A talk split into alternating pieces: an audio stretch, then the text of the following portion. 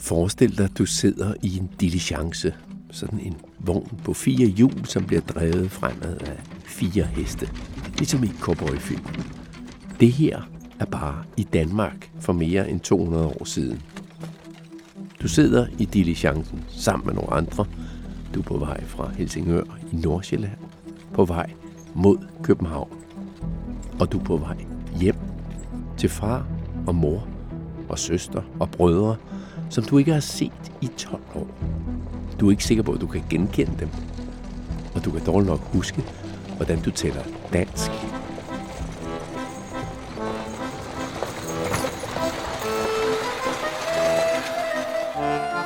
Velkommen til den fantastiske historie om Jørgen Jørgensen, der levede fra 1780 til 1841.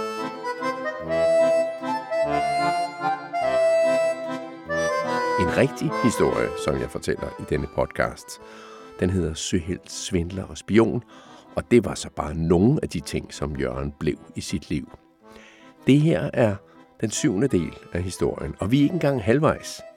Men Jørgen har i de første seks afsnit været jorden rundt med sejlskib, og han har været det mest sammen med englændere. Det er derfor, han mest taler engelsk og ikke så meget dansk.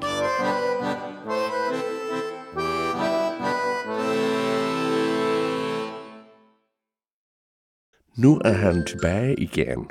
Han er lige kommet til Helsingør. Ja, vi tager den lige igen. Han er lige kommet til Helsingør med skib fra England. Og han glæder sig til at komme hjem og fortælle om alle sine oplevelser. I Sydafrika, hvor han blev søhelt. I Australien, hvor han var opdagelsesrejsende. På Stillehavet, hvor han fangede valer. Og på Tahiti, hvor han blev forelsket. Og ja, alle de historier, dem har jeg allerede fortalt om i de første afsnit. Men alt det skal far og mor og søster og brødre høre om.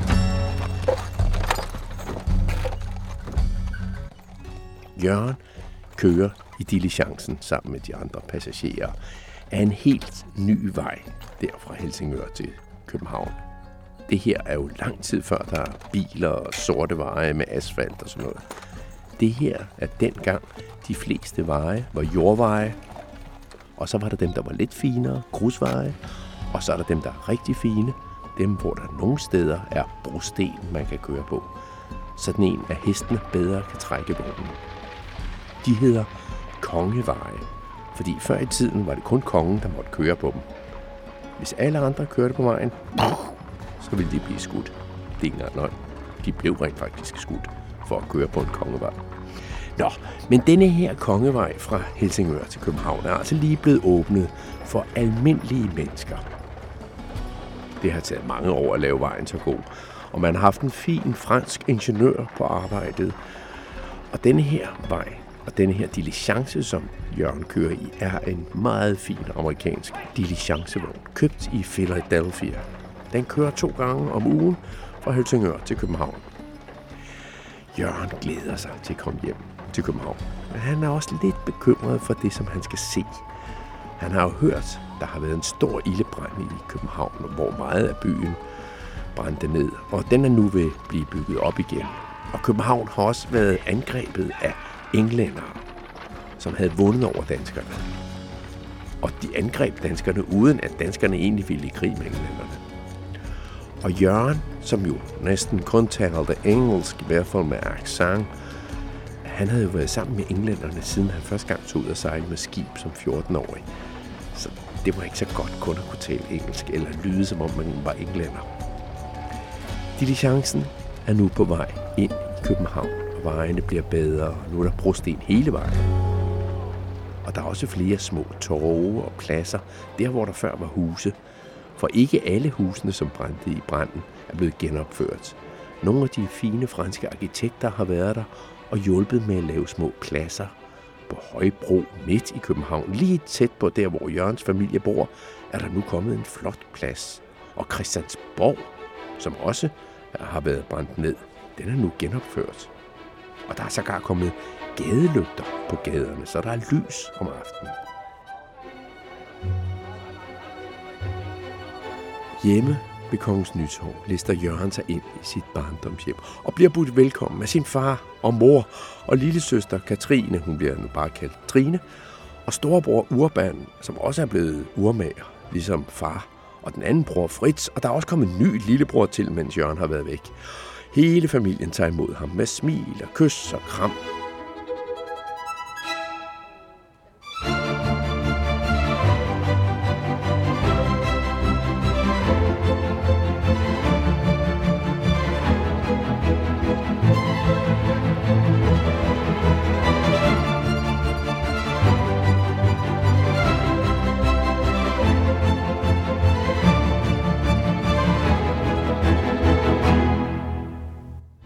Som han selv senere skriver i sin dagbog. Den, der aldrig har været borte fra sin mors favn, kan ikke forestille sig de edle følelser og udsøgte glæder ved en hjemkomst. Jørgen er glad for at komme hjem til mor. Også lidt far. Jørgens far er nu lidt streng. Det var jo sådan set ham, der sendte Jørgen afsted som 14-årig på et engelsk kulskib, så Jørgen kunne lære at opføre sig ordentligt – men far er nu også glad. Og nogle dage efter Jørgens hjemkomst, så bestiller far sågar en maler til at komme og lave et portræt af Jørgen. Dengang tog man ikke selfies eller fotograferede sig. Dengang fik man malet sit portræt, hvis man var rigtig rig. Og det er Jørgens far. Kongelig urmag. Så der kommer en ung maler, Christoffer Wilhelm Eggersberg, og maler et flot portræt af den 26-årige Jørgen. Og ham Eggersberg der bliver senere en af Danmarks mest berømte malere. Nå, det var maleriet. Så nu er Jørgen ved at blive kendt. Og selvom far ikke er så god til at rose sin hjemvendte søn, så er han nu alligevel stolt af ham, og han fortæller om ham til alle sine fine venner, og det er jo både kendte og rige folk, som far har som venner, og far holder fester for sin hjemvendte søn. Men der er stadig et problem.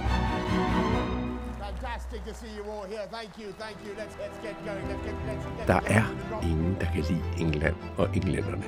De har været og bumpet København og sænket vores skibe med det, som hedder slaget på redden.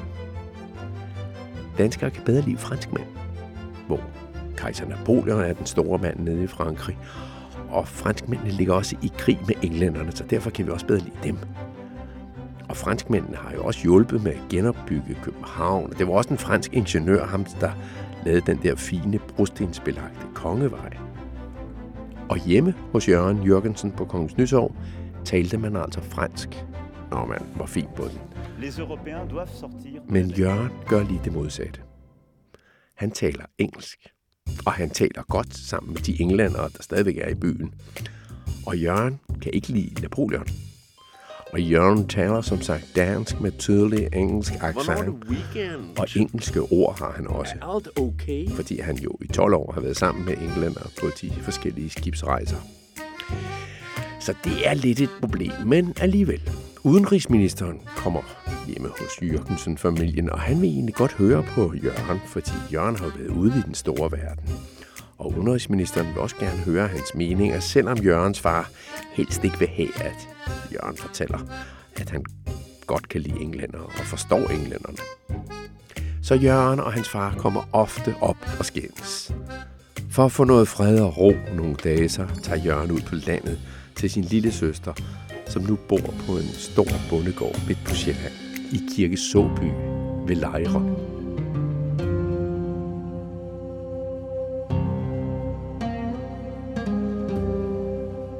Og det er herude, at Jørgen og lille søster Trine og mange af Jørgensen-familien er den 2. september om aftenen 1807. De er nu flygtet ud af byen, fordi englænderne er kommet igen. Jørgen og familien ved ikke, hvad der vil ske, men det her bliver en af de voldsomste begivenheder i Københavns historie. Bombardementet af København, hvor den by, som lige var blevet genopbygget så fint, blev smadret igen af englænderne. Øh, og det betyder en helt ny situation for Jørgen. Hvis han skal bevise, at han er en ordentlig dansker og en god søn, og hvis far skal være stolt af ham, så skal han i krig mod englænderne.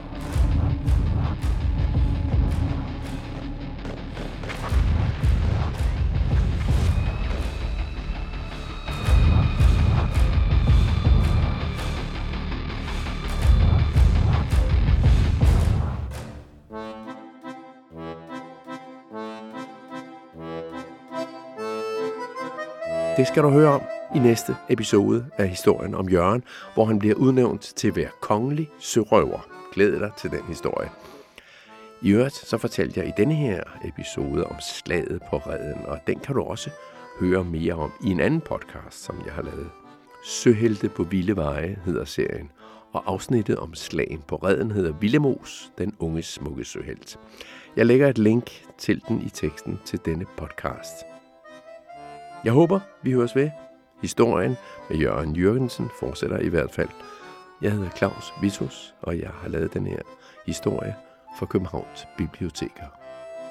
På genhør.